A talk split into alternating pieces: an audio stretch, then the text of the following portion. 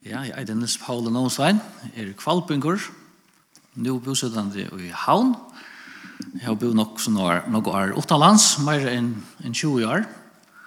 Og København er nok det stedet her som jeg bor langst. Så til givet at jeg har reist noe mest med som person, og, og er akkurat flott hjemme etter nå i sommer i familiene, at han har vært 13 år i, i Kristianstove.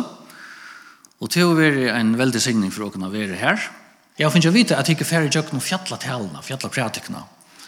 Og jeg finner um, tillåta en, um, et brot i kapittel 6 fra vers 25 og til vers 34. Tykker jeg legger mest til deg er, er nyrre at, um, at de unge folkene, de, de kunne eisen stora. Og eit som uh, til dømes teg som arbeider innanfor helseverste stora fyrir til teg visste til dømes er sama vi vindfolkje etla enda i kristnastove. og teg er smitta i en sunna dialeksia til ja, så fer det til arbeidsaktor mann og morgon og kunne smitta folk som er, er veik det er en rassla som uh, som jeg alltid öll som öll tycker som arbeider vi folkje kanskje kunne hava. I fargen er det arvis det veit jeg men nirri er det nega som eh, som gjør at som kommer slett ikke til møte sånn det. Og det er bare et av mange ting som man kan stora for. Og hessen teksten som dere får lese handlar om stora. Stora om, om de mest basale tingene i løven. Hvordan gjør vi og stora? Hva gjør vi og stora? Eit er at dere kunne finne en tryggleika i, i materielle tingene, ta ikke stora, Men Guds år har en ærelåsen, og det er henne som også færre at, at lese om. Så let dere lese sammen i Mattias kapittel 6 og vers 25. Og til Jesus som sier så løsner, Du jeg sier tikkun, større ikkje fyrir løyvetikkara hva tid skulle eta, eller hva tid skulle drekka. Jeg held og for like med tikkere hva tid skulle fære ui. Er ikke livet meira enn mæteren, og like med meira enn klæene, Hittje at fuglen himmelsins, tar så ikkje, tar hest ikkje, tar saun ikkje i løver, og himmel ikkje færi tikkar av føy tar. Er tid ikkje manga meir verdur enn tar, og hver tikkara kan vi at stura legge elen at se at aldri så innom.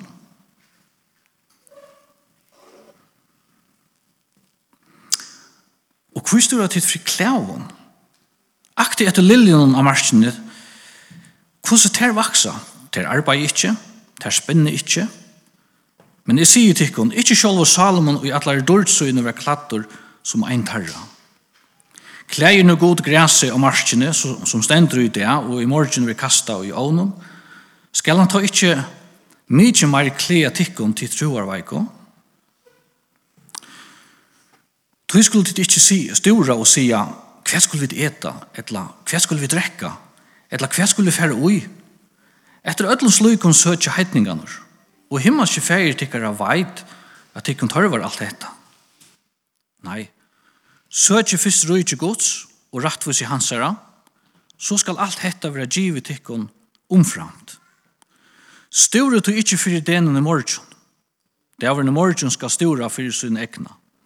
Hvor dæver hever no mykje ui plav og. Så hva gjør vi akkurat storan? Eisen til på basale storan som vi kunne hava av mæte og klæven. Og så gjør rydde gods og sitte til fremst. Og jeg halte at dere kunne si at i hessen teksten noen foger at vite vita trutja grunn til hva jeg skal gjøre det. Trutja grunn til hva jeg skulle søtja rydde gods først. For det første, så er god han skaparen som har skapet og som skapar allheimen, han hever en ahua ui at djev og det som åker mest har bruk for det. Alt det som er grunnleggjande ui okra løyve er det som god til ahua i djevo kun. Løyde det ikke mest til at du går byrja å lese at det stendes så sånn tui tui sige etikon og framan undan og fjalla prætikken her er det flere for når Jesus har sagt tid hava hårst teir og teir autoritetan er sier Etla enda at det gamla testamentet så enda sålæsnar. Fetra tikkara sier sålæsnar. Og så kommer hans her år, men jeg sier tikkum. Og det er det første halde som må teka til og i det, at det som her vil sagt er en autoritet som kommer åttane fra og åmane fra. Hette her er ikke bare træsmyren ur Nazaret. Men hette er Guds sonor som hever en autoritet som styr opp om alt det som andre mennesker kunne sige. Ja Og ta i fjallatælene kom at enda. Minnes du hvordan endar? Jo, han enda først visen i som, eller så mynden av tveim og mannen som bytja. Og til øren så fettler alt til gjerra, til han er ikke ordet lusta etter årene som Jesus er utala. Og til hino, ta stendra alt løyve fast, til at han er lusta. Og folk ikke tar det høyret her, som han er utala, så sier han, så sier de, Ongen talar som her som er av, vi slugum valdi og slik om myndelaga. Så let du ikke teka til årene som her er i Lyson, Og det som jeg sier som er rett, det er ikke røyna jo alt, det sier Guds år. Læt dere teka til til dere som år fra Jesus er munni, en autoritet som kommer utanfra, og som veit hva dere har bruk for å høyre. Til å lære sveinar, her var ångan grunn til at stora fyrir mæte og fyrir klæva. Hva er det skal eta, hva er det skal drekka, eller hva er det færre ui. Kvui? Ja, men tog at Jesus sier at løyve er meira enn mæteren, og likame er meira enn klæene. Og så kunne du spyrja, hva er det så tydninga miklare? Løyve eller mæteren. Hva er det tydninga miklare? Løyve eller mæteren. Det er nekka ting som, det stender ui her. Det er akkur lærere som lyser teksten opp fra hva undan. Hva er det tydninga miklare løyve eller mæteren. Kropperen, etla klægene, og til innløysande, til løyve og til kroppen sjálvande som har større tøytning. Og så kan du spyrja, hvor har vi finnet til via? Hvor har vi myndelagan og maktina? Hvor har vi finnet til via hetta løyve og henta kroppen? Hvor er løyve her og? Hvor er henta kroppen? Hvor kommer han fra? Han kommer fra gode. Og vi ser kroppen og løyve er meira tøytningar mykje enn klæjene og mæteren.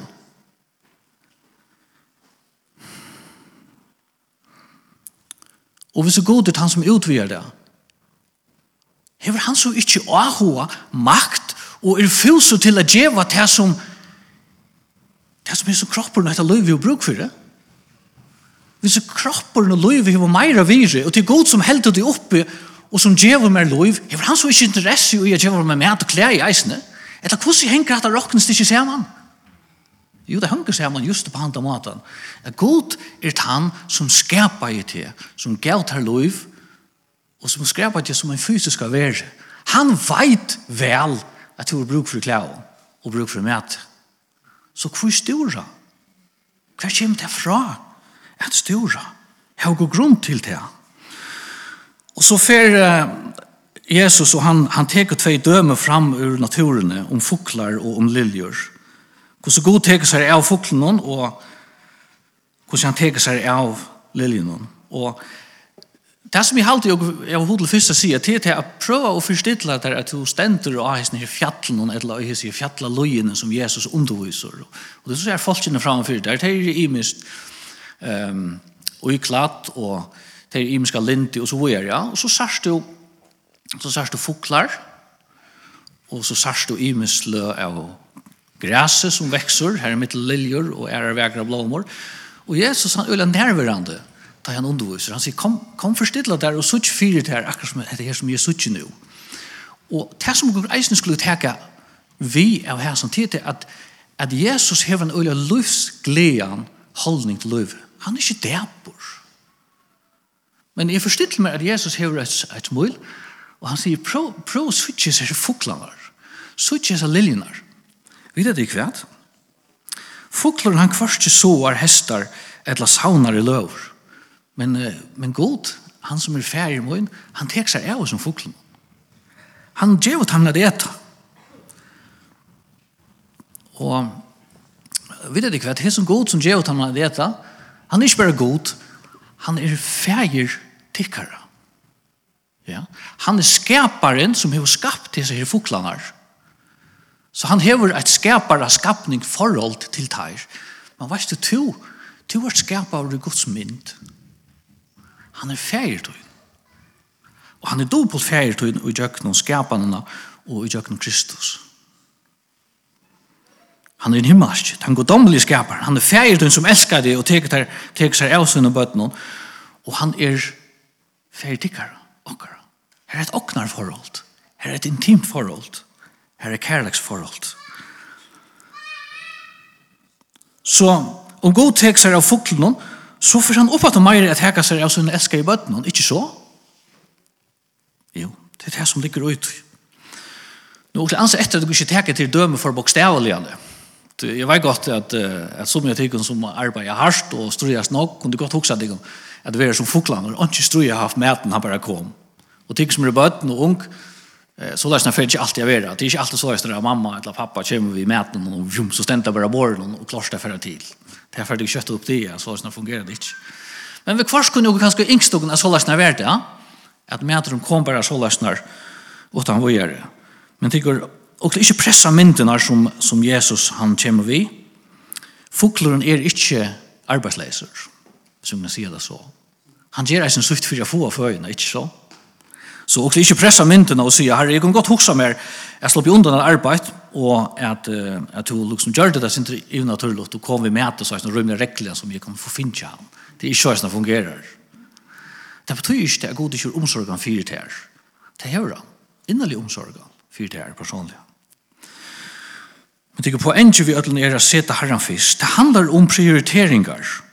Om å seta herren og hans vilja fremst. Store ikkje, men søkje fyrst rydde gods. Hans vilja og hans herra atlan. Og så tenker Jesus en æra mynd fram, og han sier, søkje hese her, hese vøkre grøsene blomstene fyrir dikom. Og liljenar, på samme måte som fokland, tar arbeid ikkje og tar spinn ikkje, för jag får liksom sett kläder av sin kropp.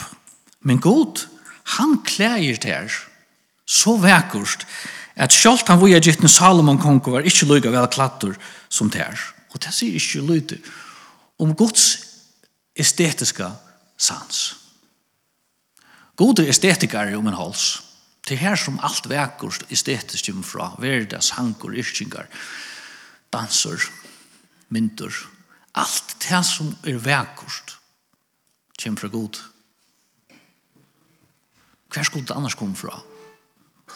Og hver skulle det givet ut navnet vekkert hvis ikke god var han som gav til året vekkert? Så var det bare tog mening og munn med smaker som gjør jeg. Og allikevel så har jeg en kjensle av innast inne til noen ting som bare er vøkker. Jeg tror ikke jeg forklare det. Jeg har ångte til av vi lista folk og eisende musikere, så hva er det er det vekkere? Og det er øyla torfort å sitte året Onkra harmonering. jeg vet ikke om du husker om det, onkra harmoneringar sida bare i kassan, som man sier i danskolen. Ja? Og du husker, altså, hvordan, hvordan kan det være at det appellerer? Hvordan kan det være som det er så vekkert, at dere semjast om det største? Men det tror jeg er god til å skapa til vekkert. For han innast i sånne personer er vekkert. Og tror jeg bare til seg Jesus, jeg appellerer til det vekkert som det er suttja. Hikk, så ikke at det ikke hvordan vekkert det god til å gjørst. Hese tingene som vera slien, græs over slie, blåmann hon vil slien, hun vil brukt til, hver hun brukt til, der stendur hon kastet i ånden, hver, er det her? Jeg hadde bækaren som før han i holdt for sitt brei, han har brukt for å brenne. Men det Atter til vekerlaget, minnes det pappa min, han sylte vi oljeskipene og makten, ta i over her, vi om 15 år aldri eller så, Og jeg minnes ennå, for så slapp jeg til um, så slapp jeg til Norra en tur, silt her og var innan kjærsa sin tur. Så lød dere et sted som heter Mongstad, til her som man liksom, fytler oljen av, og så minnes jeg at man kan ganga sin tur fra her som det var pumpa og i kjipet, og så nyan til det nærmeste i husene, for det ganger. Og et som, jeg minnes det enn hvordan det slå meg, jeg tenkte normen, det her kunne slett være helt normal. Altså, at gjøre veier bort ur sånn glittrande vøkron steinon, Alltså förrän och brukar ta stenar som är sin ointressant, ja. Men för men norr här brukar man som pena stenar. Jag tänkte det kan inte passa. Men så lägger man värst att det heter stenar alla stenar som är det. Det är ganska normala stenar i tiden så här var inte här var inte snetet det tror jag. Men brukar man stenar till hatta så verkar stenar och och liljorna som är så vackra. Kvättar man det bara av och så kastar man det i ugnen för att för att bära sig brej. Ja. Jag har det virkelig så lyd vire. Det har ikke så lyd vire men og immun til tøyen, og immun til det omsorgen som god til å fyrt her, så er det ikke nok verdar. Så ikke ståra, ikke ståra. God hever mange ferner større omsorgen for det her personlige, enn han hever fyrt fuklen og for liljon. Jesus kallar det seg for troar veikar. Ikke noen komplimenter. Men tykker jeg er glad for at han sier det. Tog at jeg er her, ofta. Ofta er jeg bruker meg om å vil kjenne. Men jeg tror jeg var Og vi vet ikke hva at lærersønnen til Jesus var jeg ofta han her. Men den stikker søvn er kanskje anker av dem. Jesus han er i stilla stormen og tar bare undrast av han. Og han sier, vet du, til troer var jeg. Vet du, det er ikke jeg, det heter ikke noe som jeg er mentor å gjøre. Petor, han styr ut ur baden og han ikke at ganga til Jesus og han fyrir til gonge, men så færa prioriteten nå, eia fyr av Jesus som fyrsta prioritet og han omstår og han blir sakka Eisne, han var troar og eikor stendet om han og så var det hinna for at Jesus han En lærer sånn skilte ikke ordentlig Det var nega vi at jeg hadde glemt at jeg hadde brev i. Det var tar hilti at det handla om det. Men eisen i tog føren og tog Jesus om at han var tjoer veitjer. Og så det sørste dømen som jeg også bare nevner, til om sinnapskottene, etter lyttla kottene, som vekser, som godkjør vøkst, og det blir til den store planten. Ja. Men det har vært tjoer veitjer. Vet ikke hva det er trygg for nega? Trygg for uh, alit. Trygg for alit. Og og bruker det kvendt det. Ja Og hva alle dag for en åren tar jeg spyrja om hva klokkan er til dømes. Og sjån det tar jeg feil vi kvart, men og hva er grunnleggjende alle til hva annan. Tog at dere de fleste foran er alids vetjande og alids verd. Er god tas og ikke meir? Kunne ikke ha større alit hånden av hånden enn dere hava av menneskjon? Så trykk vi alit og Jesus, at han er mentor, og at han er ahoaur og jeg teka seg av mer, eisen tar min grunnleggjande praktisk spurning som jeg har med en liv, storan er til øvut. Storan er på en måte sida, jeg har ikke ordelig alit av at god er mentor, veit om, eller villigur til, at sutja til mun, og min tørv.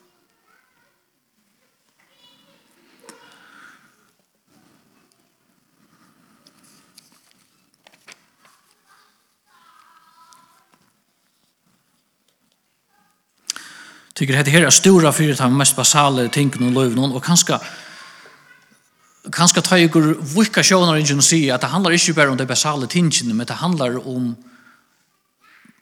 materialism och ibrayar meshing det är ett hårt ävne jag kunde förra in att som idé och det har det gått har visst det de flesta jag och glöj inte någon nej men kvar är och prioriteringar Og på kvann måte sasta og i okra løyve som er tryggvande, at okra er arvøyse, enn at heimen som ikkje kjenner god. Sasta. Hvordan sasta? Det er verste hukse om, jeg synes ikke åkne i det. Tykkes og skulle ikke stora, men også søtja fyrst røyke gods, nemlig en vi er god til omsorg han fyrir den basale tingene som vi har bruk for. Og han djevor de skapningen som har minne tøytning det som tar av bruk for, hvor kunne vi så ikke løyte av at han fra djevågen til som dere har tørva, og som er skapt i hans mynd og elsker i, og gjør Jesus. Det er den neste grunnen til at um, også søker god først og ikke er store. Det tror jeg at her som hukkborren er hukkborren til dem som ikke kjenner god. Ta lovsuger om her. I vers 31. De skulle ikke si hva skulle vi ete, eller hva skulle vi drekka, eller hva skulle vi fære, og hva skulle vi ikke gjøre til, hva er det for sleg i hukbordet, hva hukser så?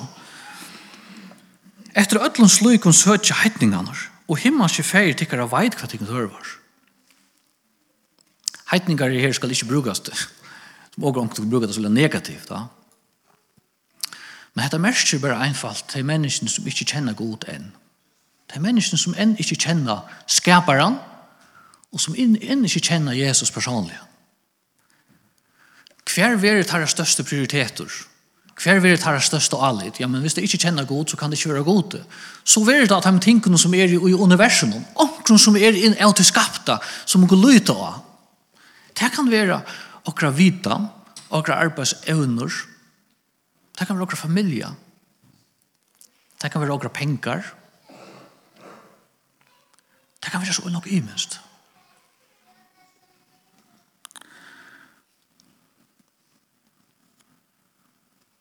Men menneskene som ikke kjenner den himmelske ferien, er i vanda fyrir at prioritera det materiella, materialismene først.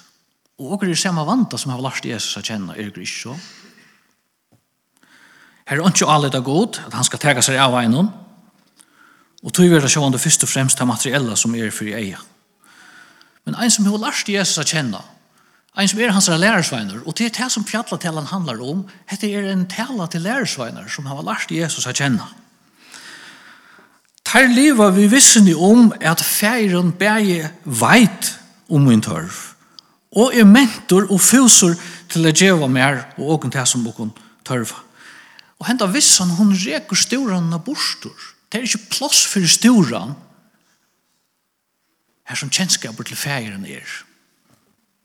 Og tog kunne reisen spyrre kun sjål og kjenne til fær, hvor så vel. Og sast det attor, og i munne liv. Framan undan tog som vi nu har lyst er, er, er mittelen anna enn den bønnen som Jesus lærte sina lærersvenner. Fær okkara, eller fær var til som erst i himmelen. Ja. Og, og i vers 8, hvis du ikke har Bibelen, så kunne du bare lese her at, at Jesus han tåser i samband vid bøn, så sier han at etter her er det hese i heitningene, altså mennesker som ennå ikke har lært Jesus å kjenne. Hvordan blir det hei? Ja, det blir utan alit, utan kjennskap, utan å kjenne god. Og hvordan ser det så ut? Jeg, jeg vet ikke om du ikke kjenner deg natter, jeg kjenner meg kors atter og jeg snær. Det er jo alit ikke det største. Ta for, ta for bønene ble jo mer desperat enn jeg gjort hon får vara långre än nöjt. Och jag får att ändå täcka mig självan, uppe samman, uppe samman, uppe samman. Det är så när människor bia som inte känner god. Och så säger Jesus i sina lärarsönar, och i vers 8, Lujist ikke taimon. Lujist ikke taimon, kvui, tui feir tikkara veit. Og at jeg sier om året som er endet ikke. Feir tikkara veit hva tikkun tarvar, tid bia han. Og ta Jesus så kommer til å lære at her er bia fer varbønnene, så sier han først, det første som du ikke gjør, jeg tror vi er tjene hvem du adresserer deg til. Feir okkara, to som er til himmelig. Hatt så mye årene som Jesus har endt til to som åker revalis. Feir og himmel og tikkara. Ikke så? hva blir han så?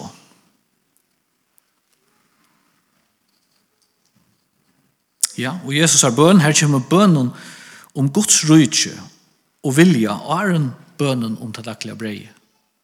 Hatt det prioritering prioriteringsgrunn tegnet rødt. Hvis hun uh, koppar vi, så lær jeg å be først om daglig brei, og så får jeg si, hvis du gjør meg til herre, så får jeg eisen et ære til å se det til først. Så får storene komme inn i akkurat liv. Mer er storene enn jeg gjort. Men ta i prioriteten rattor og sier, kom med rujtje tukt og veri vilje tukt, hva så? Så kommer okra løy på plås, og å kunne bia. Det var kunne det okra daglige brei. Tykker handan tryggvån og hatt forhold vi herran, som reg og storan av borstor, det er ikke nekka som kjemur knapplega. Det er ikke nekka som kan kjeipast. Det er ikke nekka som kan fåast fra kjeipast våre mennesker. Men det er noe som vekser og eikast og gjør samfunnet vi har. Og tog kunne rett og spyrre og, og sjálf og hver er mitt hjerteforhold til god? Er en samtale køyrande her? Er en avhaldende samtale og bøn? Etla kom og bare ta i grupp det, nå har vi ikke brei etter.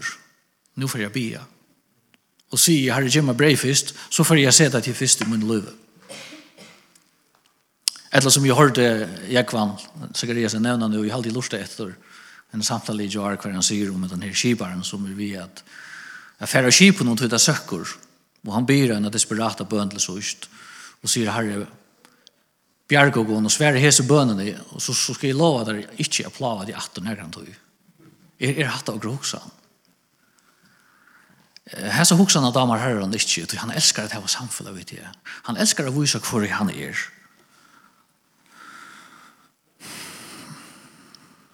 Tygur att det är spurningar verger å spyrja, er det okra prioriteringar ørvis i en tarra som inte känner att han himmelska färg?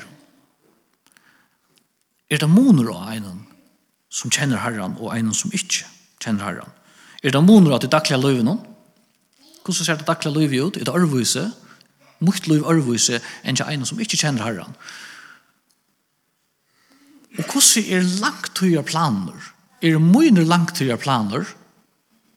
ørvise langt til planen til egnen som ikke kjenner herre. Hva heldig du? Jeg mener, hva heldig du om deg selv, det er ikke mye. Du, du vet ikke hva bor i hese hjertet nå, og jeg vet ikke hva bor i tøyne hjertet. Men herren innskjør at reka storene ut, til å prioritere han først. Og ta fyrir fyrdaklig der, og så gjør vi seg ut, og ta fyrir langt å gjøre planene for å gjøre løyveisene, så gjør vi seg ut. Det er så det sørste. Det er hvor skulle vi ståre, ikke herren først, det er sørste. Det er det her, så basala og det er pjøs ganske ikke vært sagt, men det har vært sagt allikevel. Jeg ståre til hjelpbrunch. Det hjelper ikke. Purst ikke. Ok? Um, jeg ståre lønner ikke om løyve. Hva skal så stå da i vers 22? Hvor tykkere kan vi ha ståre letja elen etter at aldri så innom? Hva er en elen? Han brukar det kanskje ikke nok ved det. Men er det ikke så at det er avstandard herfra og så ut etter en elen? Hvor langt det er? Jo, det er ikke største månen, men hva skal jeg si? En, knapp en halva meter eller så. Um, jeg vet ikke om nærkert ikke innskjer å bli at det er større i det. Det er ikke ulle kjøtt å smekke seg i horene hvis man hører hese hatten av treet, hva det er knappt 8 eller 4 eller så. Ja. Jeg har aldri nok passet det. Um, så jeg vet ikke ordentlig hva godt jeg skulle være jeg ble til større. Men det her er noe underholdt ui hese her hese utsøkene, ja, tog at tog at lov, det var mat i åren til tog, ja. Men elen til ikke togar mat til et mat på langt. Så det er som her som maten er krasja og, og kanskje er det nemlig på enkje. Altså, storan og livslangt eh de har ikke for en annan å gjøre. Du får ikke, du får ikke avvarska det på nærkere som helst måte. Um, det er synd som å spyrja, hvor så langt er det ur løvdene til jævla? Hvor så langt er det? Ikke, ikke blant disse tingene til at storan og ta gåa løvet det hører ikke sammen. Men å prioritere Herren, og å si at tøyn vilje vil gjøre i mine liv, bare her i det, og det som stender for framan, det gjør noe vi akkurat liv. Det er for Kristus at vakna innan ui, og heile andan til å leve, og gjøre nok. Jeg skal bare enda vise her helt til sust som vi har sagt i vers 34, som på en måte høyre eisen undret her at storan hun hjelper ikke til naga. Han sier store tog ikke for ideen i morgen, det er i morgen skal stora for sin egna. Hvor det er hvor no mye sin er plav. Det er veldig viktig at dere får hatt av verset vi eisen, tog at så kunne dere ha en kjensle av at herren vi er kjennes lett at storan kunne, kunne fytte dere lov, etla, at her kunne være veldig ting som er plav, etla som der enske togingene sier, troubles, problemer, ja? Den kristna tryggvun er ikkje verileika fjær. Hon tykker hatt fyrir bai tog er god til å skapa en perfektan heim, og fyrir tog at heim heimron er ikkje som han skuldi av veri, at han er bråton, og at okkur mennesker innast inne er i øylan i ytla bråton. Og tog fyrir er at møta hei som plaun, og tja som er det dagliga plaur. Herren vi er kjenner til. Men uh, Men det hjelper ikke på akkurat daglig liv. Det som går gjøre vi hessar plavanar og storene for plavanar til at du går bedre til til herren. Og jeg var samtale med han om det. Og så lære kvile. Og du skal jeg bare enda vi at, at lese etter verset ur Filippebraun kapitel 4, vers 6 og 6, som handlar om storan. Det er godt vers, det enda vi. Store ångon fyre. Nei, let i ødelen til som tid innskja kommer fram fri god og i akkatlan og bøn vi tøkk. Så skal frier gods som styr opp om alt vit, varvaida, gjørste og hoksane tykkara og Kristus. Så etter en virkjenning er at dere her var storaner. Det er ikke så løsner at året sier, du skal anga storare her var punktum. Men herren virkjenner ok, her var storaner. Det er i meg som fytler mot hjärsta til tøyer. Hva gjør jeg vitt det? Jeg prioriterer herren først og sier, jeg kommer til hans herre, vi er munnen større han. Jeg lett det framfor han i akkallene bøn, jeg var samfunnet vi hendene her god som elskar vi. Og hva gjør han så og i munnen løyve? Han leter ut han frion som kommer fra Kristus, fytla mitt løyv.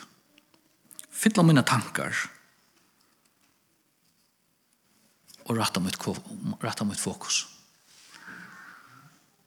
Så gav jeg at jeg var så løsner for åkene at dere kunne finne løyve til at lagt dere større når det var herren. Så han tenker seg av tog som dere har bruk for. Og tog at han er en god som innskjer at dere har alle det hånden, som kjenner han, at han vet hva dere har bruk for, og ikke som mennesker ikke kjenner han, som får bruk av nok år, og som får skunda seg, og som kommer nei. Og pjøs ikke å komme her. Og lad oss eisne minnes av storan, hun vrøyder hun ikke. Kvørst i okra livslangt eller okra hatt. Men hun kan være til herren, og han får gjøre djevn som fri. Så lukker vi sammen. Herre Jesus, og ikke takk til hjertelig. Fyrir hessar avmenningar som okra finnes i det. Og takk at det er fyrir ditt år. Og takk fyrir at det er så reelt. Det er så verilega nær.